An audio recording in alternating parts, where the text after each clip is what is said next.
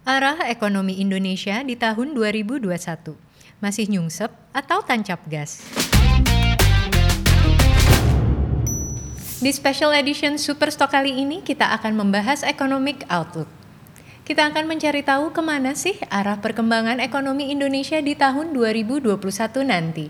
Telah hadir bersama saya Anthony Kevin, ekonom dari Mirai Aset Sekuritas Indonesia. Halo Kevin. Hai Alia. Nah, gimana nih Kev? Kita lihat 2020 nih banyak aktivitas ekonomi yang anomali. Ya. Tahun 2020 ini bahkan di pasar saham Amerika itu menunjukkan all time high ya. Ini break record. Padahal pandemi Covid ini masih terjadi. Ada apa nih gerangan di global market? Iya, jadi memang kalau uh, kita lihat di sepanjang tahun 2020 ini ada perbedaan yang mencolok antara performance dari uh, perekonomian global dengan kinerja dari stock market global gitu ya termasuk di Indonesia juga. Kalau kita lihat uh, global stock market termasuk di US tadi seperti Mbak Alia bilang itu record high di saat uh, perekonomiannya bisa dibilang cenderung lagi jelek gitu. Uh, menurut kita makanya penting sekali untuk kita coba melihat outlook perekonomian di tahun 2021 supaya uh, kita bisa mengukur kira-kira kinerja uh, global stock market di tahun depan seperti apa. Karena dikhawatirkan kalau misalnya perekonomian global tetap nggak perform di tahun 2021, ini akan ada sell off yang cukup besar di uh, tahun depan. Oke, jadi hari ini kita akan membahas kira-kira apa aja yang bisa terjadi sehingga investor bisa meminimalisir resiko ya. Betul. Disebutkan dalam research Mirai Asset menyatakan bahwa dampak sebenarnya terhadap perekonomian dunia terkait COVID-19 ini jauh lebih buruk daripada yang diprediksi. Apakah benar? Iya, jadi memang so far data-data memang menunjukkan seperti itu ya, bahwa COVID-19 ini impact-nya itu lebih besar dari yang diperkirakan, menandakan bahwa memang uh, COVID-19 pandemik ini sulit sekali untuk diukur impact-nya terhadap suatu perekonomian. Kita lihat di US, awal-awal COVID-19 outbreak di sana di sekitar bulan Maret kemudian April, mm-hmm. klaim tunjangan pengangguran itu secara signifikan uh, data aktualnya lebih tinggi dari ekspektasi. Okay. Kemudian untuk China, negara dengan nilai perekonomian terbesar kedua di dunia, first Q, third Q GDP growth itu semua uh, below expectation gitu. Jadi uh, seiring dengan data-data yang terus underperform ini, nggak heran kalau global economic uh, growth projection untuk tahun 2020 itu terus di downgrade. Proyeksi terakhir dari IMF itu kontraksinya di tahun 2020 diharapkan mencapai 4,4 persen. Ini secara signifikan lebih dalam dibandingkan dengan kontraksi pada saat krisis keuangan global tahun 2008-2009. Jadi secara singkat, kondisi perekonomian krisis COVID-19 ini jauh lebih buruk daripada financial crisis yang terjadi di 2008 lalu ya? Iya, memang kalau kita bandingkan dengan global financial crisis 2008-2009, 2009 memang COVID-19 driven crisis ini impactnya jauh lebih parah ya gitu. Karena di global financial crisis kita tahu itu mostly hanya negara-negara maju seperti negara Amerika Serikat kemudian negara-negara e-, Eropa yang terdampak. Tapi di COVID-19 driven crisis ini hampir seluruh negara Semua di dunia negara merasakan ya, yang, betul. yang kena COVID-19 ini. Tapi kan bisa kita lihat nih berbagai restriction ataupun PSBB di berbagai negara sudah dilonggarkan. Seberapa signifikankah hal ini bisa mempengaruhi aktivitas perekonomian global Iya, jadi kalau dari pengamatan kita memang sejumlah data yang kita kumpulkan seperti misalnya uh, Global Manufacturing PMI, kemudian data-data perekonomian di US seperti penciptaan lapangan kerja, belanja konsumen, kemudian inflasi, mm-hmm. memang menunjukkan bahwa perekonomian global ini recover seiring dengan pembukaan kembali aktivitas ekonomi. Cuman okay. memang uh, recovery-nya itu nggak sekencang Cepet. yang kita harapkan oh, ya. Oke. Okay. Jadi sebenarnya apa nih yang menyebabkan recovery-nya ini jauh lebih lambat dan tidak sesuai ekspektasi nih? Iya, memang ini nggak sesuai dengan ekspektasi banyak pihak, uh, di mana pada awalnya banyak yang mengharapkan ketika sebuah perekonomian dibuka itu aktivitas ekonominya bisa recover secara cepat. Tapi ini uh, bukan yang terjadi sekarang ya, gitu karena recovery-nya lebih lambat. Uh, kita melihat masalahnya di sini adalah ketidakhadiran dari vaksin. Selama vaksin belum hadir, uh, kita lihat masyarakat itu khawatir bahwa second wave yang saat ini sedang terjadi itu bisa memicu uh, lockdown kembali. Oke, jadi second wave yang dimaksud sini adalah lonjakan jumlah pasien yang terus meningkat ya? Betul, kita tahu di banyak negara sekarang second wave sedang terjadi dan kalau kasus uh, hariannya terus bertambah, ini kan bukan nggak mungkin memicu kembali yang namanya lockdown. Dan ketika lockdown itu kembali berlaku, otomatis income masyarakat itu kan akan tertekan karena mereka nggak bisa bekerja secara leluasa lagi. Makanya so far walaupun aktivitas ekonomi dibuka, mereka masih relatif defensif untuk mengantisipasi hal itu. Tapi di sisi lain ada beberapa negara yang berhasil sudah meredam penyebaran COVID-19 dan salah satunya adalah China. Bagaimana nih aktivitas ekonomi di China itu sendiri?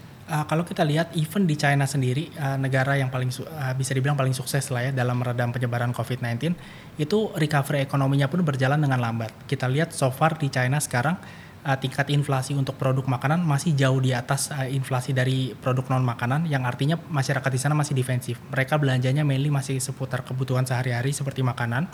Kemudian juga kalau kita lihat data China yang lainnya, mm-hmm. uh, ketika aktivitas ekonominya reopen di sekitar bulan Maret April industrial production, produksi dari perusahaan-perusahaan di sana itu pertumbuhannya langsung positif secara tahunan. Tapi kalau kita lihat dari sisi permintaan, dari sisi penjualan barang-barang retail, itu baru positif secara tahunan di sekitar bulan Agustus. Jadi ada waktu yang lama sekali uh, bagi sisi demand uh, untuk bisa up dengan sisi supply-nya. Ini menandakan bahwa memang masyarakat uh, di dunia, even di China, negara yang sukses meredam penyebaran COVID-19, ini defensif sekali masyarakatnya.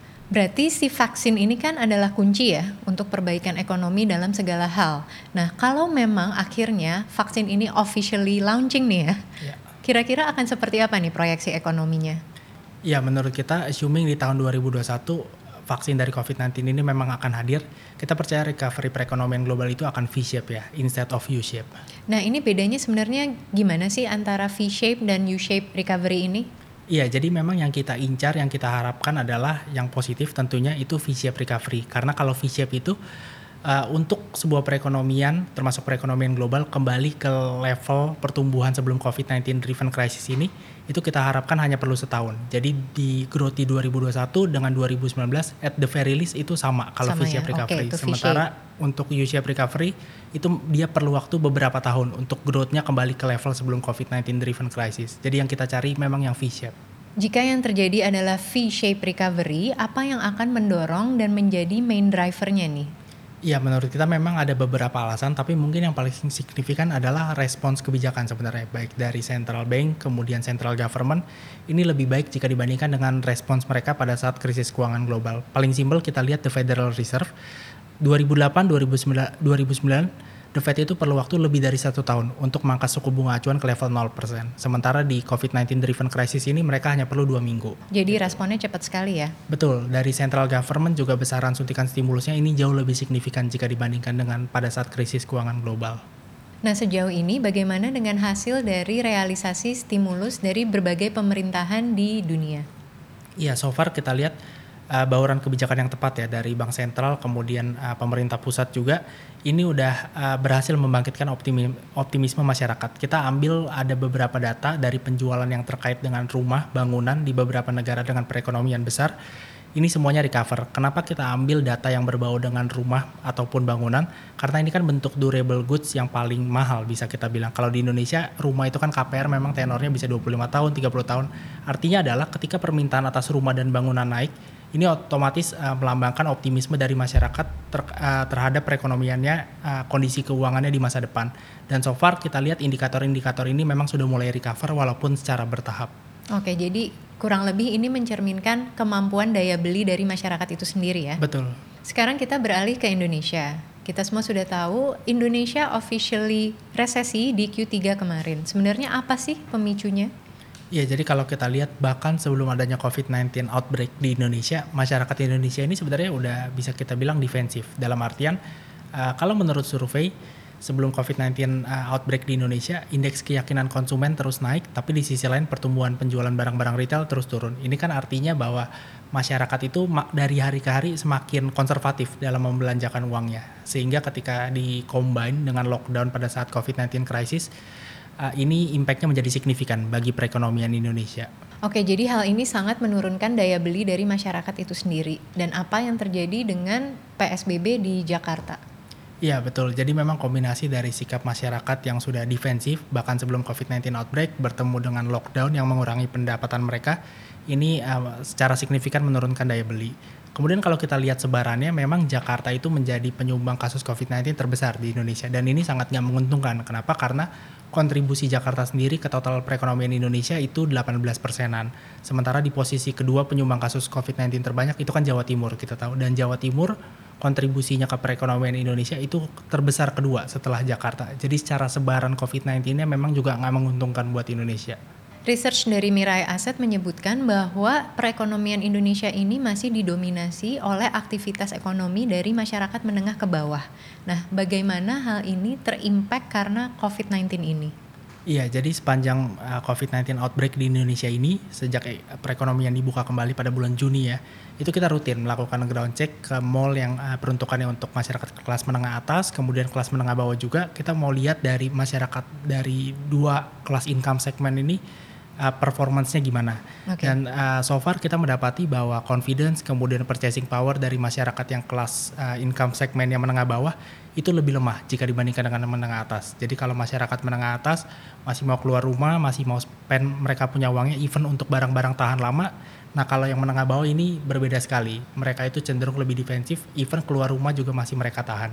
Uh, make sense sebenarnya kenapa? Karena so far kita lihat penerapan PSBB ini di Jakarta kemudian daerah-daerah lainnya ini kan lebih menghit uh, lebih uh, memberikan pukulan bagi bisnis uh, bagi masyarakat yang income segmennya menengah bawah ketimbang menengah atas sehingga mereka pun pada akhirnya lebih defensif. Nah, apakah resesi akan terus berlanjut nih sampai ke kuartal 4 nanti?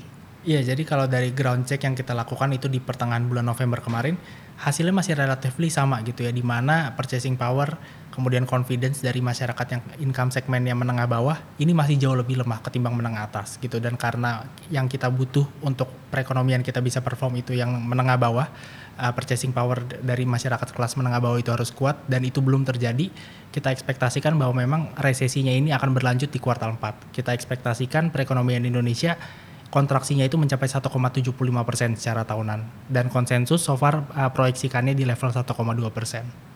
Oke, berarti tidak terlalu optimis ya? Betul, uh, dari yang tadinya kita expect resesinya hanya akan uh, sampai di kuartal 3, tapi ternyata nampaknya uh, ini akan berlanjut ke kuartal 4 juga. Oke, jadi shape recovery proses Indonesia nih yang mana nih? Akankah U-shape atau V-shape nih, Vin? Iya, sebenarnya kalau kita berbicara untuk jangka yang sedikit lebih panjang 2021 gitu ya, sebenarnya simple. Uh, kalau kita mau uh, memproyeksikan recovery-nya itu bentuknya U-shape atau V-shape. Intinya ada dua sebenarnya yang harus dilakukan oleh government kalau mereka mau recovery kita bentuknya V-shape yang positif. Yang pertama uh, kita coba breakdown dari total uh, unit bisnis yang ada di Indonesia dari mulai yang kecil sampai dengan yang besar itu ada 25,8 juta. Nah dari 25,8 juta bisnis di Indonesia 90,5% itu size-nya micro sampai kecil. Artinya adalah kalau government mau recovery kita V-shape tahun depan bisnis yang size-nya micro sampai kecil ini ini harus di, di difokuskan ya? out. Betul, harus okay. difokuskan uh, oleh mereka.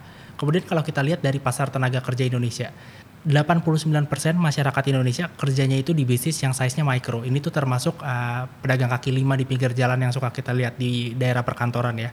Nah, uh, untuk make sure recovery kita V-shape tahun depan, government itu harus make sure bahwa purchasing power dari masyarakat ini yang kerjanya di industri micro itu harus kuat. Karena kalau purchasing power dari masyarakat kelas menengah bawah ini nggak kuat recovery ekonomi Indonesia itu bentuknya akan U-shape dan bukan V-shape. So far kita melihat support dari government untuk bisnis yang size-nya micro sampai kecil tadi kemudian juga untuk pekerja yang uh, kerjanya di industri size mikro tadi seperti pedagang kaki lima ini support dari government bisa dibilang minim sekali. Jadi kita nggak expect recovery Indonesia bentuknya V-shape tahun depan. Sebenarnya apa kendalanya yang menyebabkan uh, support dari pemerintah ini masih minim? Iya, pertama kita berbicara mengenai alokasi budget untuk penanganan COVID-19 ya dari pemerintah, di mana secara nominal sebenarnya relatif besar. Kalau kita lihat secara sekilas itu 695,2 triliun, cuman memang in terms of persentasenya terhadap PDB itu hanya 4,4 persen. Ini relatif kecil sebenarnya. Memang negara-negara lain ada di angka berapa nih average alokasi PDB-nya untuk stimulus itu tersebut? Iya, kalau kita lihat dari case negara-negara berkembang lainnya, menurut kita idealnya memang di kisaran 7% seperti yang dialokasikan oleh China gitu ya. Jadi secara total anggaran bisa kita bilang government of Indonesia ini kecil alokasinya. Kemudian kalau kita coba breakdown dari total uh, budget untuk penanganan COVID-19 yang senilai 695,2 triliun itu tadi, ternyata budget untuk BLT bantuan langsung tunai itu hanya di 15,7 persen. Padahal idealnya menurut kita ada di 30 sampai 35 persen.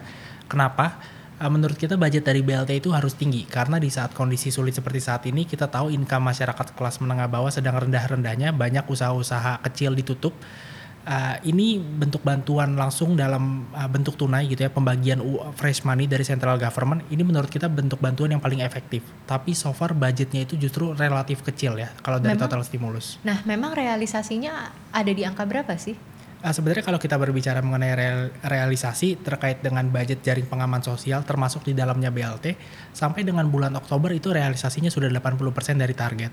Cuman masalahnya adalah government ini banyak disburse uh, budget untuk uh, social safety netnya termasuk BLT itu di kuartal 3 dan kuartal 4. Padahal kita tahu bahwa rock bottomnya uh, dasar perekonomian tekanan terbesar bagi perekonomian ekonomi Indonesia itu adanya di second Q gitu. Jadi disbursementnya nih telat. Ketika masyarakat itu udah pesimis, baru government disburse anggarannya. Jadi menurut kita ini sulit untuk membangkitkan confidence dan daya beli masyarakat kelas menengah bawah. Oke, jadi karena timing ya, Betul. mestinya timing dilakukan di Q2 tapi baru dilakukan di Q3 dan Q4 ini ya. Iya.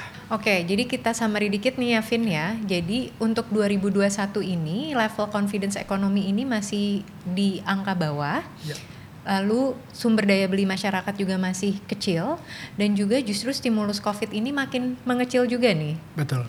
Bahkan di research Mirai Aset mencatat ada resiko lain lagi nih ya. terkait dengan draft RUU Bank Indonesia. Mungkin bisa bantu dijelaskan? Iya, jadi simpelnya adalah terkait dengan draft RUU Bank Indonesia ini. Hmm. Sekarang ini government lagi coba propose ke DPR untuk mereka ada ambil kontrol, sebagian kontrol dari central bank kita. Gitu kita tahu di mana-mana central bank itu kan independen gitu, di mana dalam operasionalnya mereka itu terbebas dari intervensi politik. Nah, government ini mau coba intervensi Bank Indonesia sekarang gitu. Jadi kalau misalnya ini di approve, nanti dalam pengambilan kebijakan misal suku bunga acuan itu nanti akan ada perwakilan dari government yang ikut Kemudian juga terkait dengan mandat dari Bank Indonesia, kita tahu sekarang ini mandat dari Bank Indonesia itu hanya satu, yakni menjaga kestabilan rupiah. Nah, government ini mau intervensi, mau masukkan yang namanya pertumbuhan ekonomi, kemudian penciptaan lapangan kerja ke dalam mandatnya Bank Indonesia. Di mana hal ini bisa dibilang gak lazim sebenarnya di dunia ya. Oke, jadi ini lumayan isu yang sensitif ya. Betul. Dan bagaimana investor asing menilai dengan kalau sampai regulasi ini terjadi? Iya, kalau kita mundur sedikit dari bulan Maret gitu ya, uh, semenjak pertama kali COVID-19 masuk ke Indonesia sampai dengan uh, bulan Oktober kemarin, kita lihat ini rupiah konsisten menjadi salah satu mata uang dengan kinerja terburuk di Asia gitu dan salah satu penyebabnya adalah memang penerimaan investor asing yang kurang positif, yang negatif bisa kita bilang terhadap draft RUB ini karena seperti saya tadi bilang uh, yang dilakukan oleh Central Government of Indonesia mau take control dari bank sentral kita ini nggak lazim sebenarnya dan bukan best practice yang digunakan di dunia. Kemudian juga kalau kita lihat di uh, lelang obligasi uh, dari uh, waktu ke waktu partisipasi investor asing dalam lelang obligasi Indonesia ini terus menurun. Jadi so far memang penerimaan investor asing ini negatif sekali terhadap draft RUU BI ini. Draft RUU BI ini kan sangat sensitif ya. Tapi kenapa government keep pushing untuk ini disahkan? Iya, kalau kita lihat um, kenapa draft RUU BI ini bisa hadir pada awalnya, menurut kita ini adalah karena ketidakmampuan pemerintah dalam menjalankan tugasnya dengan baik gitu. Kita ingat dulu uh, dulu banget pertumbuhan ekonomi kita on average itu 8%. Kemudian as time goes on 7%, 6%, sekarang kita sisa 5 persenan pertumbuhan ekonominya. Nah, dengan draft RUB ini, government ini semacam cari shortcut. Gimana cara meningkatkan pertumbuhan ekonomi uh, dengan cara cepat gitu ya. Uh, kita lihat sebenarnya tugas dari central government kan itu simple. Dia uh, kumpulkan penerimaan sebanyak-banyaknya, kemudian di disburse kepada masyarakat itu untuk ngedrive aktivitas ekonomi. Cuman masalahnya kita lihat dari tahun ke tahun pertumbuhan pendapatan negara turun terus. Kemudian juga pertumbuhan uh, belanja negara karena penerimaannya turun otomatis pertumbuhannya ikut turun juga. Ujung-ujungnya adalah uh, labor di Indonesia karena kurang stimulus kurang pendidikan uh, kesehatannya juga kurang uh, labor productivity growth di Indonesia ini menjadi salah satu yang terburuk di Asia dan pada akhirnya ini berpengaruh kepada realisasi investasi asing yang dari tahun ke tahun kita lihat adalah uh, tren pertumbuhannya itu turun jadi dengan kata lain ini merupakan quick fix untuk memperbaiki pertumbuhan ekonomi. Betul, karena uh, ekspektasi kita adalah ketika nanti draft RUBI ini disahkan, ketika government udah punya kontrol terhadap central bank, itu yang dilakukan mereka di tahun 2020 akan dibawa ke tahun 2021. Kita tahu di tahun 2020 itu kan central government dengan mudahnya cetak utang, kemudian yang beli itu Bank Indonesia dengan cara printing money. Nah ini kan sebenarnya uh, kurang baik untuk diaplikasikan dalam jangka panjang gitu. Diharapkan memang cuma di tahun 2020 aja ketika COVID-19 lagi parah-parahnya. Nah, government ini kelihatannya mau coba untuk bawa skema ini ke tahun 2021. Makanya mereka itu propose yang namanya draft RUBI di mana kita expect uh, penerimaan dari investor uh, domestik apalagi investor asing ini harusnya jelek banget kalau misalnya ini benar-benar disahkan nantinya. Tapi isu terkait investor asing juga kualitas sumber daya manusia bukankah sudah terangkum dalam Omnibus Law?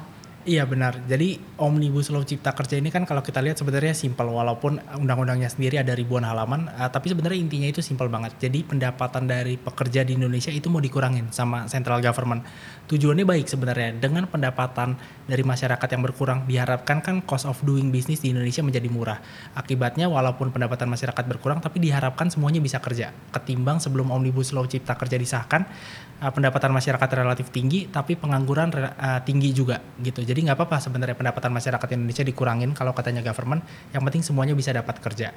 Cuman masalahnya adalah ini baru akan uh, berdampak memberikan dampak positif itu dalam jangka menengah sampai panjang. Ketika perusahaan itu sudah mulai investasi sudah mulai hire tenaga kerja baru. Sementara dalam jangka pendek kalau kita berbicara mengenai omnibus law cipta kerja uh, investasi belum akan masuk pastinya karena COVID kan masih berjalan di Indonesia, masih akan minim investasi lokal maupun asing yang datang ke Indonesia. Tapi di saat yang bersamaan kan pendapatan masyarakat sudah dikurangin. Misalnya pesangon untuk PHK itu kan sudah dikurangin tahun depan. Jadi dalam jangka pendek sebenarnya Omnibus Law Cipta Kerja ini uh, justru bisa uh, berdampak negatif bagi Jadi perekonomian Indonesia. Ya, bisa menjadi bumerang. Baru nanti sebenarnya dampak positifnya di jangka menengah sampai jangka panjang, tapi bukan di tahun 2021. Jadi sentimen negatif mengawali tahun 2021 ini datang dari draft RUU BI dan juga Omnibus Law untuk jangka pendek ya. Betul. Dan bagaimana dengan resiko lainnya nih di 2021 nanti? Ya menurut kita risiko lain yang impactnya bisa besar juga untuk perekonomian Indonesia di tahun 2021 itu sebenarnya terkait dengan vaksinasi massal yang digaungkan oleh central government gitu karena menurut kita agak sulit nih untuk bisa memvaksinasi 270 juta masyarakat Indonesia hanya dalam satu tahun. Uh, ada dua risiko utama menurut kita. Yang pertama adalah terkait dengan bahan baku. Kita kan untuk produksi vaksin nanti rely dengan bahan baku dari China.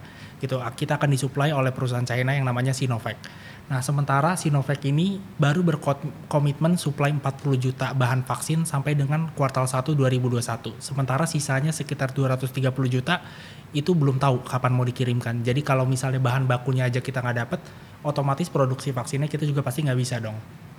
Uh, resiko kedua kalau menurut kita terkait dengan vaksinasi adalah uh, assuming uh, let's just say kita punya bahan bakunya, kemudian kita bisa produksi vaksinnya 270 juta untuk seluruh masyarakat Indonesia belum tentu juga kita bisa uh, menyuntikan itu semua ke seluruh masyarakat Indonesia. Kita pakai hitungan hitungan sederhana. Mm-hmm.